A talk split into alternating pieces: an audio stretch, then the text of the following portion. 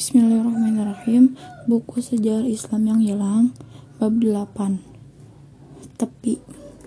Sudah terlalu sering dunia Islam dianggap sebagai Timur Tengah dan hanya itu.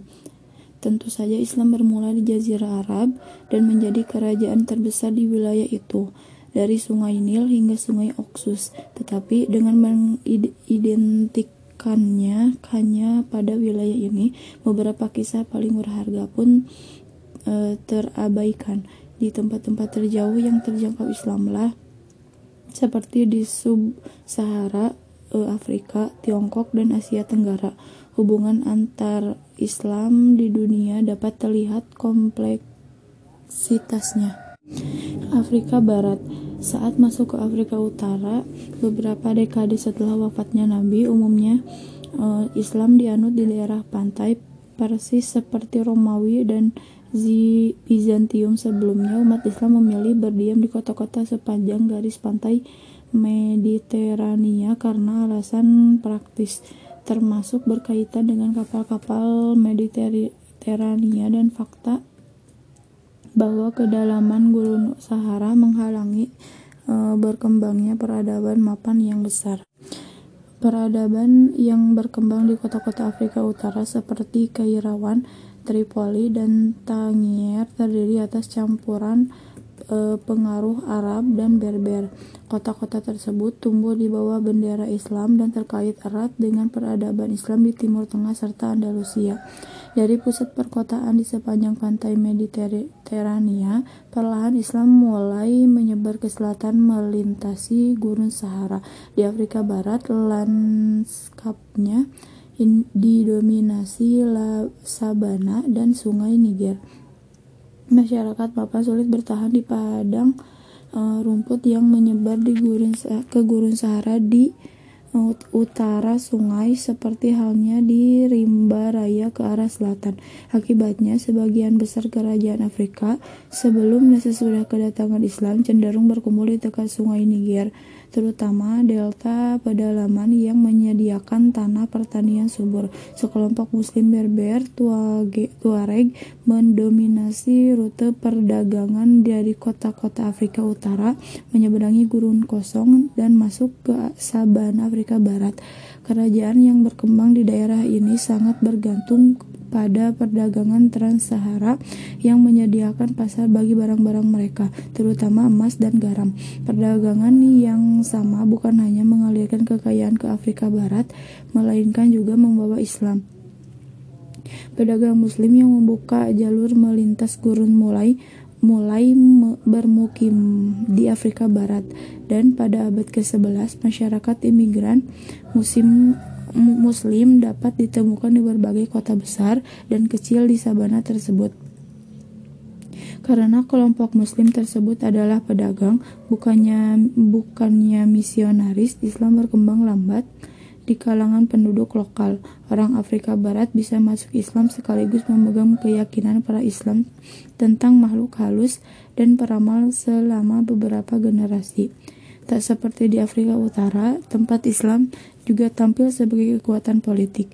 Islam di Afrika Barat lambat menyebar ke budaya lokal, menerima pemeluk Islam baru tanpa langsung menuntut mereka mengikuti seluruh keyakinan Islam. Satu-satunya pengecualian itu gerakan Murabitun yang mampu menaklukkan Afrika Barat selama satu dekade pada abad ke-11. Tetapi sepertinya dampak gerakan ini tak berlangsung lama. Kerajaan Islam pribumi pertama di Afrika Barat adalah Mali. Kerajaan ini didirikan pada 1200-an oleh tokoh mistis Sundiata Keita, penguasa setengah Islam bagi bagi rakyat Mandinka. Islam ia mendapat julukan Sang Raja Singa Kabarnya ia diasingkan oleh seorang pengusaha jahat mengumpulkan dukungan dari rakyat Mandik, Mandinkan saat diasingkan, kemudian kembali untuk merebut tahtanya kembali dan menggelari diri Mansa bahasa Mandika untuk uh, raja segala Islam. Raja segala raja. Detail cerita ini mungkin telah kabur setelah melewati beberapa generasi menceritakan generasi pencerita lisan. Tetapi yang pasti kerajaan yang didirikan Sundiata di Afrika Barat di wilayah dalam delta Niger segera tumbuh menjadi kerajaan terkaya dan terkuat masa itu. Kemakmuran Mali paling terlihat dalam kekuasaan Mansa Musa yang memerintah dari 1312 sampai 1373 37 setelah mengambil alih kekuasaan saat saudaranya Mansa sebelumnya berlayar ke barat menyeberangi Atlantik untuk mencari data daratan baru. Mansa Musa memimpin kerajaan yang mungkin menjadi salah satu kerajaan terkaya dan terkuat saat itu. Ketika Timur Tengah berurusan dengan uh, serangan Mongol dan Andalusia menyusut menjadi Emirat Granada. Mali tumbuh di sabana selatan Gurun Sahara sebagai entitas politik muslim utama, tetapi Mali masih jauh dari pandangan dunia Islam lain yang relatif tak menyadari keberadaan negara itu. Yang paling diketahui tentang Mali pada masa itu berasal dari cerita perjalanan Haji Mansa Musa pada 1324 ke Mekah yang menjadi ajang pamer kekayaan dan kekuatan Mali pada dunia Islam lainnya. Rombongan Mansa Musa berangkat dari Sabana Afrika Barat dengan lebih dari 60.000 pengiring. Raja ditemani 12.000 orang yang masing-masing bernuansa berbusana jubah sutera mahal yang dan membawa 2 kg emas dari tambang emas Mali yang terkenal. Unta-unta untuk memba juga membawa tas pasir emas yang dibagikan kepada orang miskin di sepanjang perjalanan. Banyak warga kota sepanjang jalur perjalanan dibuat kagum oleh arak-arakan megah dari kerajaan Afrika Barat yang tak dikenal ini. Saat tiba di Mesir yang saat itu dipimpin dinasti Mamluk, Mansa Musad meninggalkan kesan mendalam bagi pejabat lokal. Mereka mencatat bahwa sang raja sangat soleh, tak pernah lupa sholat, dan menguasai Quran. Di Mesir, kabarnya Musa memberikan banyak emas kepada penduduk kota sehingga inflasi eh, tak terduga mengancam ekonomi. Saat mengunjungi Mesir 10 tahun setelahnya, Pengelana bernama Ibnu Batuta mencatat perekonomian lokal belum pulih akibat banjir logam mulia itu. Mungkin yang paling mengesankan dari perjalanan ke Mekah adalah saat kembalinya Mansa ke Mali karena Mali masih di tengah proses panjang islamisasi dan keyakinan penduduk pribumi masih bercampur dengan ortodoksi Islam. Musa menganggap perlunya pengetahuan agama yang lebih baik menggunakan kekayaan sebagai alat memajukan Mali. Ia membayar sejumlah ulama, guru, dan seniman untuk menemaninya kembali ke Afrika Barat. Orang Arab, Persia, dan Andalusia datang ke Mali bersama e, Mansa Musa pada 1320-an untuk membentuk masyarakat Afrika dengan pengaruh nyata dari dunia Islam lainnya. Selain itu, gelombang besar cendekiawan membantu melejitkan Mali ke ganda garda terdepan ilmu pengetahuan. Setelah abad setelah setengah abad setelah malapetaka Mongol menghancurkan rumah hikmah Baghdad, pusat keilmuan baru bangkit di Sabana Afrika Barat. Awal 1400-an, seorang ulama fikih dari Hijaz Abdurrahman At-Tamimi melakukan perjalanan ke Timbuktu di sana ia mendapati tingkat keilmuan yang begitu tinggi sehingga harus pergi ke Fez terlebih dahulu untuk mengambil kuliah prasyarat agar dapat belajar dari ulama Mali. Pusat keilmuan Mali adalah Timbuktu, sekitar 20 km dari sung, di, di, di utara sungai Niger. Timbuktu terletak di perbatasan Gurun Sahara dan menjadi tempat pember, pemberhentian utama di sepanjang jalur perdagangan Trans-Sahara. Kota ini berada di bawah kekuasaan Mali selama pemerintahan Mansa Musa dan berlangsung merasakan manfaat dari kedatangan para ulama. Perpustakaan, masjid, dan universitas bermunculan di Timbuktu sehingga memberikan karakter Islam yang berbeda.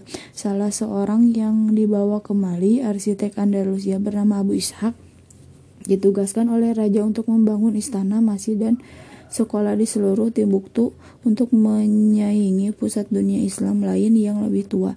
Musa juga mengirim ulama dari Maluku Utara, pusat pendidikan yang lebih mapan di Maroko, untuk belajar konsep lanjut dalam Islam. Setelah sel setelah selesai belajar, para ulama itu diminta kembali pulang dan dan melayani masyarakat Mali di Timbuktu, baik Mali maupun kerajaan Songhai yang menggantikan Mali pada akhir 1400-an memberikan tunjangan khusus bagi cendekiawan Islam. Biasanya mereka mendapatkan seimba, sebidang tanah dan piagam keistimewaan seiring didatangkannya ulama dari dunia Arab dan pertumbuhan masyarakat intelektual asli Afrika di Timbuktu, Mali menjadi salah satu pusat pengetahuan Islam terkemuka di dunia saat itu, ketika peradaban Islam di pusat-pusat tradisional sedang menurun. Afrika Timur Partai Pantai Afrika Timur tak butuh waktu lama untuk mengenal Islam. Sebelum Nabi Muhammad melakukan hijrah ke Madinah, sekelompok sahabatnya melarikan diri dari uh, sisaan Mekah dan berdiam di Aksum selama uh, selama beberapa tahun di sana mereka diterima oleh raja Kristen. Imigrasi juga berlangsung ke arah sebaliknya. Dan Bilal, seseorang sahabat Nabi yang biasa menyerukan azan di Madinah adalah bekas budak dari Ethiopia. Hal ini tidak aneh mengingat uh, sebelum Islam datang pada abad ke-7 hubungan dengan antara pantai Afrika Timur dan Jazirah Arab telah terjalin seperti terjadi di Afrika Barat melalui jalur perdaganganlah Islam akan berkembang di sepanjang pantai Samudra Hindia di Afrika. Pada awal abad ke-19, seorang budak muslim di Amerika, Bilal Muhammad, menulis naskah 13 halaman tentang hukum Islam berdasarkan kurikulum pendidikan Afrika Barat untuk mengajar rekan sesama budak di perke perkebunan. Para pedagang dari Jazirah Arab terutama wilayah Hadramaut di Yaman mulai bermukim di kota-kota sepanjang pantai Afrika Timur pada abad-abad setelah Yaman masuk Islam. Artefak paling awal yang membuktikan kehadiran Islam di pantai Afrika Timur berasal dari uh, akhir 700-an dan awal 800-an bukti yang ada menunjukkan Islam awalnya masuk ke Afrika Timur di pantai bagian paling utara yang paling dekat dengan Arab. Masjid yang dibangun pada abad ke-10 telah diekskavasi di Kenya sekitar 2.500 km di, setel, di selatan tempat lahirnya Islam. Agama ini telah mengakar lebih jauh di sepanjang pantai Tanzania. Cara utama penyebaran Islam di Afrika Timur melalui perdagangan. Saat jalur perdagangan Samudra Hindia berkembang, kota kota negara Afrika Timur menerima para pedagang muslim. Melalui wilayah inilah Islam menyebar ke kawasan pantai. Pola masuk Islam di sepanjang pantai ini termasuk unik. Wilayah Afrika Timur cukup panjang sehingga tidak terjadi pergerakan penduduk dalam jumlah besar tetapi cukup bisa dijangkau sejumlah besar pedagang yang rutin mengunjungi pantai tersebut dan sebagian pindah uh, secara permanen. Pedagang kaya yang berdiam di kota sepanjang pantai menikah dengan wanita setempat, berasimilasi dengan budaya lokal tetapi dengan tambahan nuansa Islam. Masyarakat pemukim Arab dan Persia tidak mendominasi penduduk lokal Afrika. Ini percampuran budaya yang khas dan menimbulkan perkembangannya budaya hibrida baru dengan Islam sebagai intinya. Eh, Swahili, bahasa asli Bantu di Afrika Timur, menjadi bahasa pengantar di wilayah pantai saat pedagang bepergian dari kota ke kota, meningkat wilayah mengikat wilayah ini secara budaya dan linguistik. Dengan kedatangan pedagang Arab, Swahili menjam, meminjam banyak kata dari bahasa Arab, tetapi Swahili tetap menjadi bahasa asli Afrika. Dengan cara yang sama, orang-orang Afrika di kota pelabuhan mengadopsi berbagai aspek budaya Persia dan Arab, seperti yang terlihat di belahan dunia lain yang mengadopsi Islam. Kedatangan agama baru ini tidak menghilangkan budaya dan tradisi sebelumnya.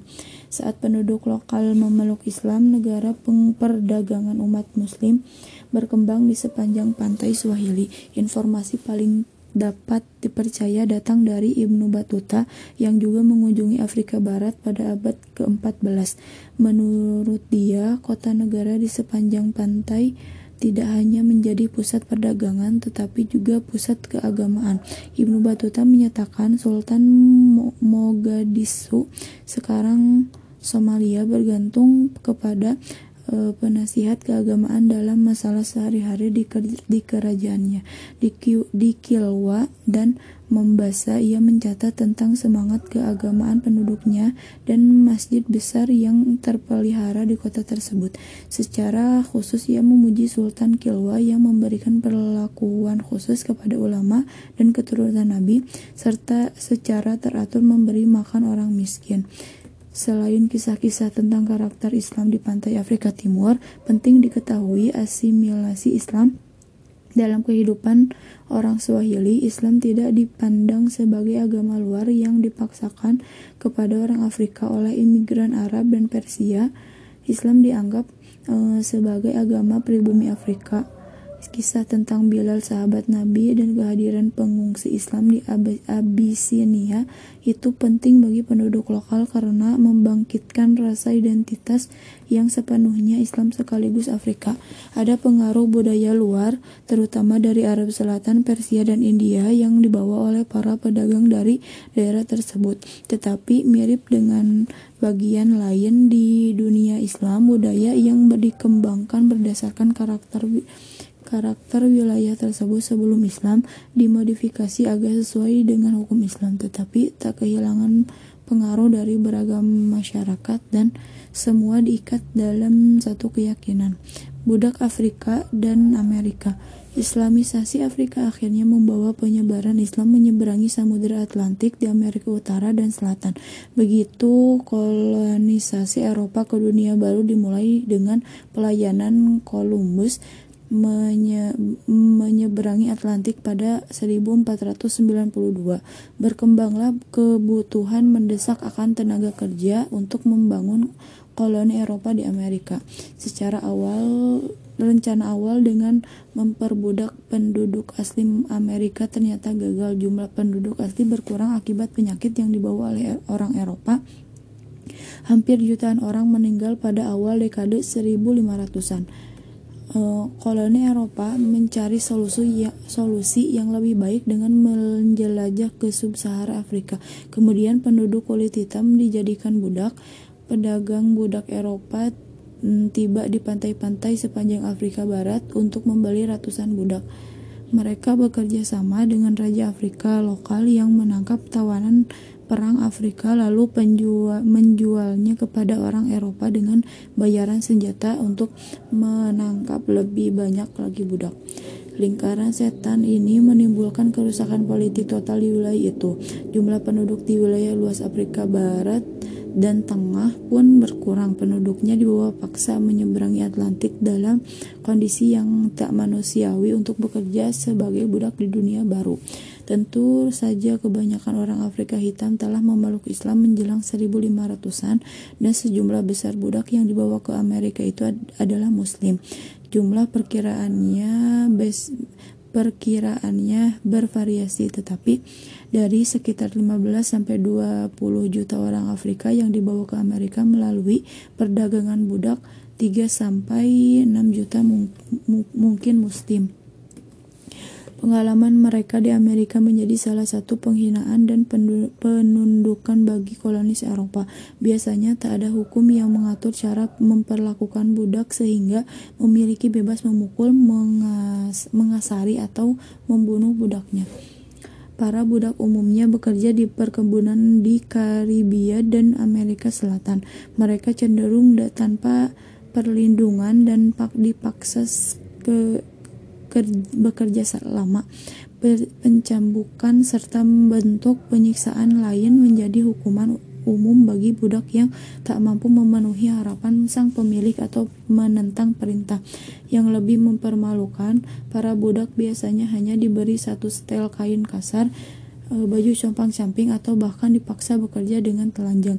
Ketika semua budak menderita di tangan pemiliknya yang menolak menganggap mereka setara, budak muslim mengalami kesulitan tambahan. Berhenti bekerja untuk salat lima waktu hampir tak mungkin dan berangkat haji ke Mekah jelas-jelas tak masuk akal. Selain itu, tempat mempelajari Islam sangat sedikit. Beberapa budak yang telah menghafal Quran sebelum ditangkap mampu memperbaiki hafalan dan mengajarkan sebagian Quran kepada yang lain. Maka ketika generasi berlanjut dari abad ke-16 hingga ke-19, pemahaman Islam di kalangan budak muslim perlahan surut.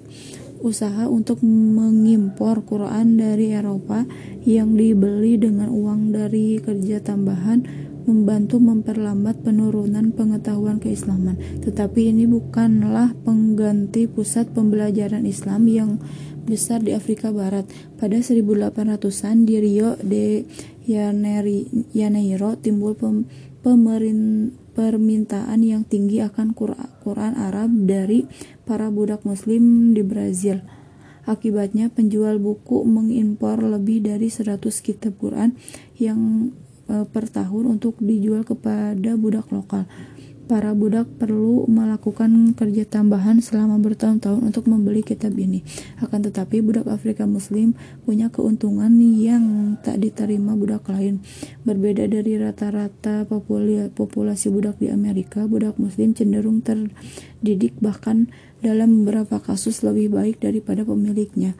Tradisi yang menekankan Eh, pendidik di kalangan muslim secara umum di Afrika Barat secara khusus membentuk kelas budak muslim di Amerika yang bisa membaca tak seperti budak non muslim lain yang bukan eh, orang Eropa sendiri. Dalam beberapa kejadian, tingkat pendidikan yang lebih tinggi memberikan kesempatan kepada budak muslim untuk melakukan pekerjaan ringan seperti akuntansi dan manajemen perkebunan. Tetapi hal ini juga memberikan kemampuan untuk berorganisasi dan memimpin pemberontakan. Sebuah contoh menonjol terjadi di negara bagian Bahia, Brazil pada 1835. Ulama muslim yang dibawa ke Brazil sebagai budak memanfaatkan pengetahuan dan posisi kepemimpinannya di kalangan muslim yang cukup besar di Salvador untuk merencanakan pemberontakan melawan tuannya. Catatan yang ditulis dalam huruf Arab diedarkan di kalangan budak dengan memerinci rencana dan tujuannya. Pemberontak yang melibatkan 300 budak ini berakhir dengan kegagalan setelah tentara Brazil secara brutal memadamkannya. Tetapi peristiwa ini benar-benar menanamkan rasa takut di kalangan orang Brazil terhadap budak muslim sehingga banyak budak muslim dikirimkan kembali ke Afrika dengan harapan bisa menghindarkan pemberontakan pada masa depan. Berabad-abad perbudakan memberikan konsekuensi kepada budak muslim di Amerika. Di sepanjang sejarah Islam, daerah-daerah yang jauh dari Jazirah Arab hampir selalu memiliki semacam hubungan intelektual atau ekonomi dengan tempat kelahiran dan wilayah pusat Islam. Akan tetapi, bagi budak muslim di Amerika sebelum zaman modern, tempat yang sangat jauh secara geografis dan intelektual dari dunia Islam pada akhirnya menyebabkan terjadinya disintegrasi masyarakat muslim.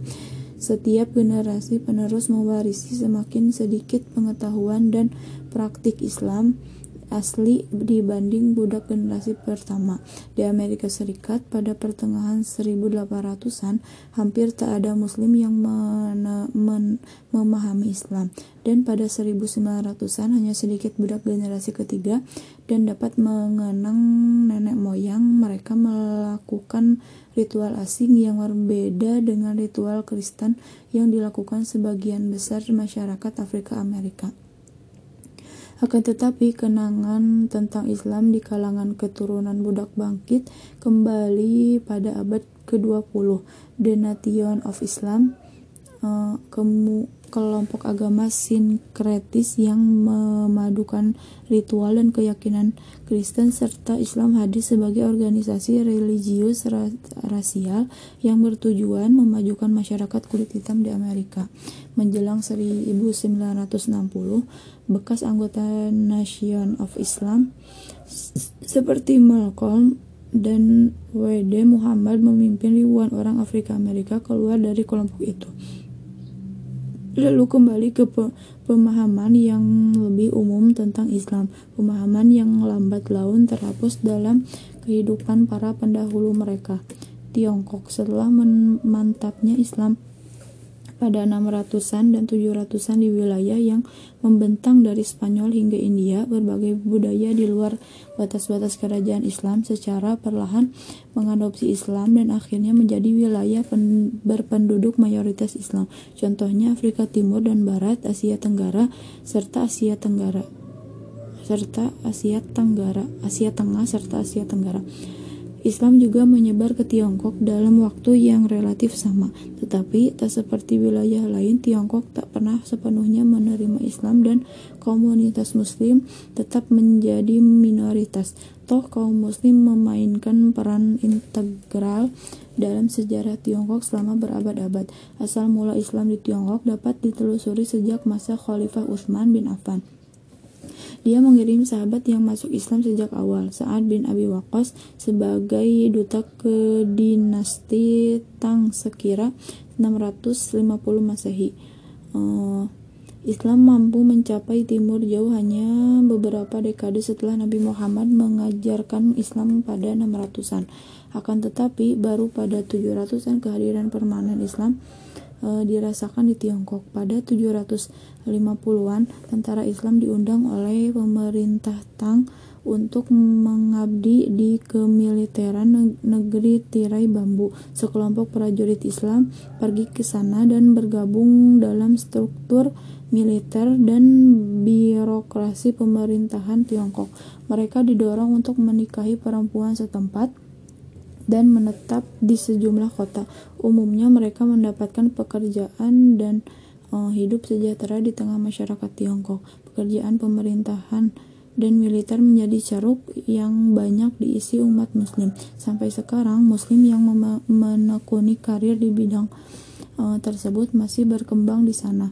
Meskipun umat muslim berperan sebagai pejabat uh, eselon atas tetap ada penghalang antar muslim Tiongkok dengan masyarakat pribumi agama timur yang populer di sana yaitu Bada, Buddha dan Konf Konfusius menghadirkan dunia yang terpisah dari Islam.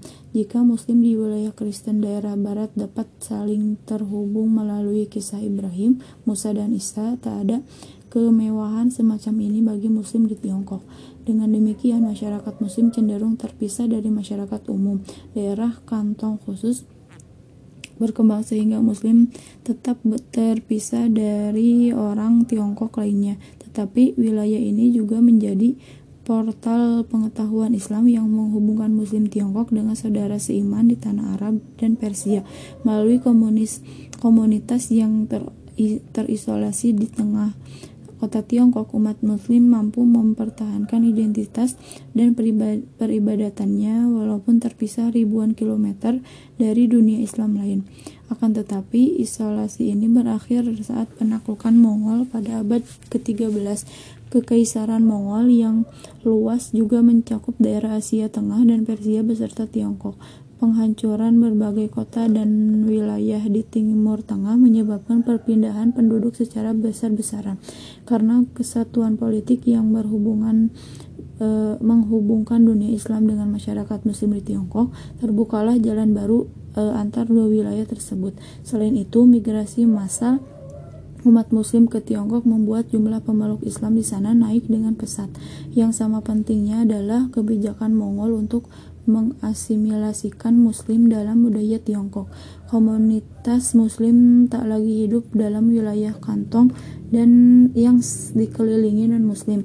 Mereka malah didorong untuk mengambil peran publik e, lebih banyak uh, peran publik lebih banyak dan secara khusus sangat berguna sebagai administrator dalam kekaisaran Mongol yang mencakup daerah Islam dari timur ke barat. Pada 1300-an, Kaisar Hongwu menulis uh, eulogi seribu kata yang memuji sifat-sifat Nabi Muhammad. Salinan tulisan ini disebarkan ke masjid-masjid di seluruh penjuru Tiongkok. Selama periode kekuasaan Mongol dan kemudian dinasti Ming, Muslim Tiongkok benar-benar terasimilasi dalam budaya lokal. E, mereka tak dianggap sebagai orang asing lagi, tetapi warga negara Tiongkok dengan identitas sendiri, Hui, Hui yang sama saja dengan Han, grup etnis may mayoritas Tiongkok hanya ber berbeda sebagai identitas keagamaan. Setelah akhirnya dianggap menjadi bagian masyarakat lokal sepenuhnya setelah hidup di sana ratusan tahun dari generasi ke generasi, Muslim pada masa Ming mampu berasimilasi dengan budaya setempat. Mereka mengadopsi adat bahkan nama Tionghoa dengan tetap meneruskan tradisi mengabdi pada pemerintahan kerajaan sebagai pejabat publik dan pemimpin militer. Mungkin Muslim Tiongkok yang paling terkenal hingga saat ini adalah Zheng He Cheng Ho yang menjadi salah satu penjelajah terbesar. Ia seorang Hui di wilayah Yun Yunnan di selatan. Cheng Ho disukai pemerintah Ming dan ditugasi memimpin armada kapal harta karun. Dengan memimpin ratusan kapal yang sebagian besar bisa sekaligus mengangkut tiga ketiga kapal Columbus, ia bertanggung jawab untuk uh, untuk berdagang ke tempat-tempat yang jauh dan menjalin hubungan diplomatik dengan tempat tersebut. Pelayanan pelayarannya mencapai puluhan negara di seluruh Asia, Timur Tengah, dan Afrika, tetapi mungkin ia paling dikenang di Asia Tenggara, tempat ia dianggap sebagai tokoh yang membantu penyebaran Islam di Kepulauan Melayu. Eh, masjid-masjid di wilayah itu diberi nama Cheng Ho. Akan tetapi Cheng Ho mampu menjadikan dirinya sebagai tokoh terhormat Islam. Orang Tionghoa non-Muslim menghormatinya sebagai salah satu penjelajah terbesar mereka. Tionghoa adalah ti simbol bentuk Islam di Tiongkok. Tiong Tionghoa asli, tetapi juga Muslim sejati tanpa ada kontradiksi di antara kedua identitas tersebut. India setelah ekspedisi Muhammad bin Qasim ke, ke lembah sungai Indus awal 700-an, Islam tak masuk lebih jauh secara politik ke anak benua India. Uh, sebuah tempat didirikan di Sid, Sin, tetapi karena jauh dari ibu kota Islam di Damaskus, uh, kemudian Baghdad ekspedisi militer lebih lanjut tak dapat dijalankan dan mungkin secara finansial tak bisa dipertahankan. Kehadiran bangsa Turki di dunia Islam mendorong kekuatan Islam lebih jauh ke India. Terdapat catatan terperinci tentang Mahmud dari e, Ghazni, Sultan Turki yang kali pertama memimpin ekspedisi militer ke pedalaman India, mengangkat diri sebagai pemimpin negara otonom yang beribu kota di, di Ghazni dataran tinggi Afghanistan, ia cukup dekat dengan India sehingga bisa memusatkan perhatian pada anak benua ini. 17 tahun operasi militer ke India Utara menjadi besar kekuasaannya yang menghadirkan kemakmuran dan kekuasaan bagi dia dan kerajaannya. Meskipun serbuannya meragukan kekuatan penguasa dan penguasa lokal di India, ia juga membangun pusat budaya besar dan membantu penye, penyebaran budaya menyebarkan budaya Persia di seluruh daerah kekuasaannya. Penyair legendaris Persia, Ferdowsi, yang mungkin paling banyak berperan untuk membangkitkan budaya Persia setelah kedatangan Islam, dan Al-Biruni, seorang ilmuwan, ahli geologi, dan ahli fisika, tinggal di Istana Mahmud karena perannya sebagai penyokong kesenian dilengkapi dengan serbuan yang bengis warisan Mahmud Mahmud di India eh, sekarang ini mewarnai politik modern lebih dari siapa pun. Selain penemuan ilmiah, Al-Biruni menulis buku tentang sejarah dan masyarakat India Terjemahan bukunya tentang sejarah India telah menjadi sumber pengetahuan utama seputar India di Eropa abad pertengahan. Bagaimanapun juga, Mahmud dan dinasti Ghaznavid yang didirikannya telah meletakkan dasar-dasar penaklukan Islam di India.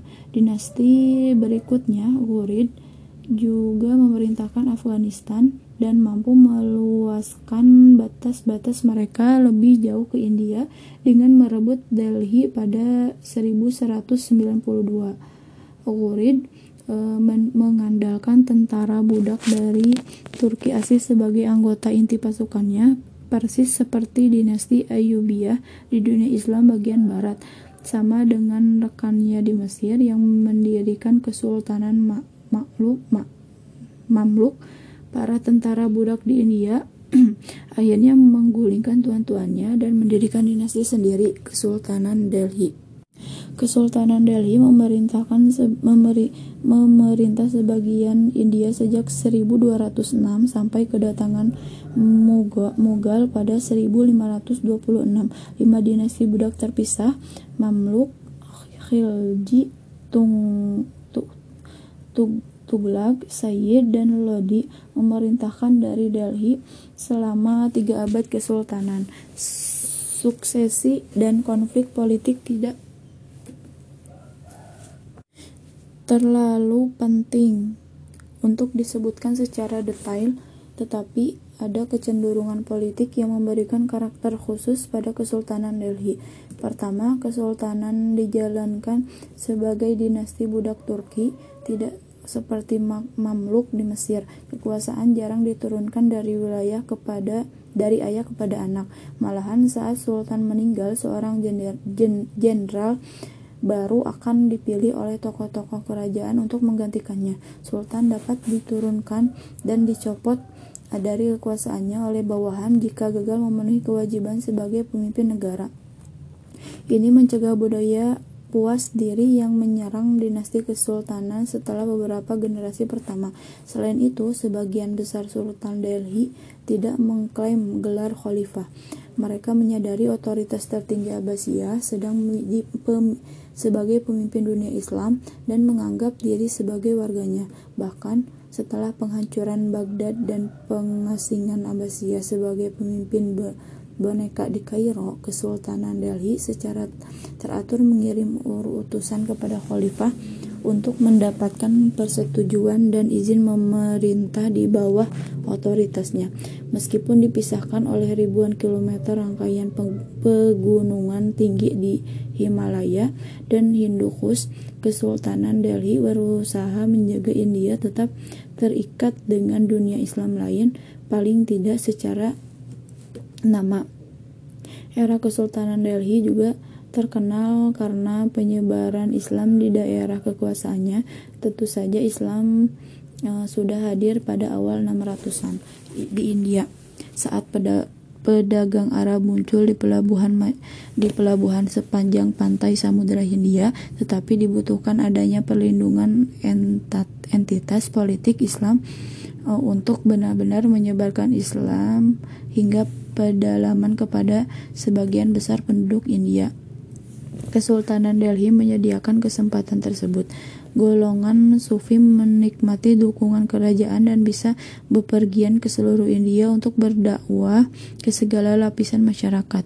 Sufisme dengan fokus spiritualnya mendapatkan lahan subur di anak benua ini sebab penduduk asli yang politeistik akan sulit menerima monoteisme ketat dalam e, Islam tanpa adanya dimensi spiritual mendalam.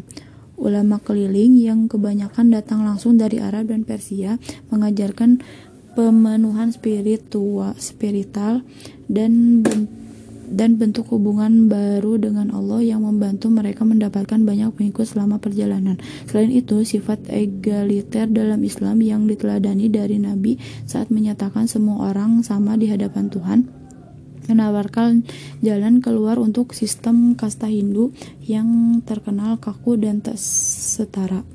Jumlah pastinya sulit untuk diketahui, tetapi melalui gabungan dakwah ulama keliling dan perdagangan Samudra Hindia yang membawa per, pedagang ke daerah Gujarat dan Bengali, Islam mampu mendapatkan kedudukan dalam masyarakat India hampir di seluruh uh, anak benua. Walaupun demikian, jumlah populasi, populasi uh, Muslim tak pernah melampaui populasi Hindu. Asia Tenggara. Pengaruh pedagang dan pendakwah yang bepergian untuk mengajak penduduk setempat masuk Islam semakin kuat ke wilayah timur di Kepulauan Melayu. Wilayah ini sudah lama menjadi perlintasan perdagangan yang menghubungkan pedagang dari India dan Tiongkok. Orang Tiongkok kurang mampu menyebarkan budaya yang dan pemerintahan mereka sendiri karena tradisi birokrasi uh, dan kerajaan yang kaku, sedangkan orang India lebih luas. Maka sebelum peralihan milenium pertama, Buddha dan Hindu yang diekspor dari India telah berkuasa di Asia Tenggara. Kerajaan Buddha Sriwijaya di Pulau Sumatera dan Kerajaan Medang di Jawa merupakan sebagian dari sekian banyak kerajaan yang menyebarkan pengaruh India ke wilayah ini. Tetapi begitu Islam telah memantapkan diri di kalangan penduduk pantai India, terbukalah peluang bagi pedagang dan pendakwah yang tinggal di India untuk menyebarkan pengaruh baru Islam ke Asia Tenggara. Sekali lagi perdagangan memainkan peran utama dalam penyebaran Islam di dataran yang jauh dari gurun Arab tempat lahirnya Islam. Raja-raja lokal tertarik masuk Islam karena peluang ekonomi yang dihadirkan. Islam menyediakan perekat bagi perdagangan di Samudra Hindia yang membentang dari kota-kota negara Afrika Timur, Arab hingga pesisir India. Kesamaan agama dengan bahasa Arab sebagai sebagai pengantar niscaya membantu perdagangan antar wilayah yang tak memiliki banyak kesamaan. Jika seorang raja di Asia Tenggara masuk Islam, ia juga bergabung dengan masyarakat ekonomi yang menguntungkan ini. Begitu para penguasa mulai masuk Islam sekitar 1100-an, kerajaan muslim yang kuat muncul muncul di kepulauan ini. Islam mulai menyebar di kalangan penduduk lokal Kepulauan Melayu melalui penguasa Muslim. Kisah-kisah tradisional wilayah ini menyatakan umumnya seorang rajalah yang pertama-tama masuk Islam diikuti oleh penasihat dan keluarga dekatnya. Kemudian Islam akan menyebar di masyarakat. Raja-raja ini mungkin menyediakan kesempatan bagi para pendakwah yang banyak di antaranya mengajarkan Islam melalui sufisme datang dan menyebarkan Islam kepada penduduk lewat cara yang sama dengan Kesultanan Delhi.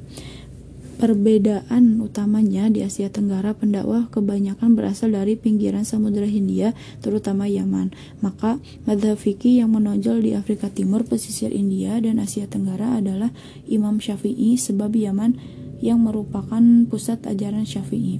Selain kunci perdagangan Samudra Hindia, Sebaliknya, India Utara lebih dipengaruhi mazhab Hanafi yang populer di Persia dan Asia Tengah.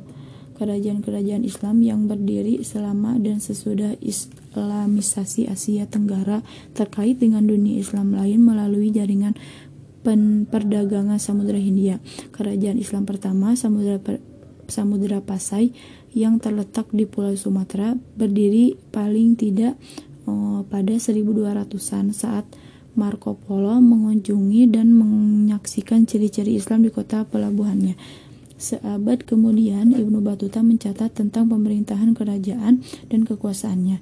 Dari Pasai, Islam menyebar ke timur hingga kerajaan Malaka yang berdiri di sekitar 1400-an.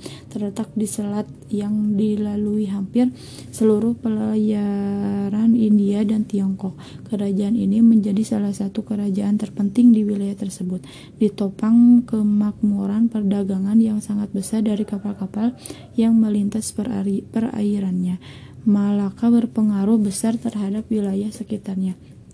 Bahasa dan adat Melayu diadopsi seluruh kerajaan yang berdekatan, yang secara budaya mengaitkan seluruh wilayah termasuk uh, sebagian Malaysia, Indonesia, dan Filipina ke dalam kerajaan perdagangan yang kuat tersebut. Pengaruh budayanya yang berfungsi sebagai kendaraan bagi Islam, identitas Melayu berkaitan dengan uh, identitas Islam sehingga jika seorang masuk Islam dikatakan orang itu sudah masuk Melayu identitas Islam yang berjalin kelindan uh, dengan aspek budaya dan kesuk dan kesukuan ini akan menyebar ke timur dari Malaka hingga seluruh kepulauan Nusantara dan bertahan menghadapi berbagai invasi serta penjajahan pertama-tama oleh Portugis lalu Belanda dan Inggris.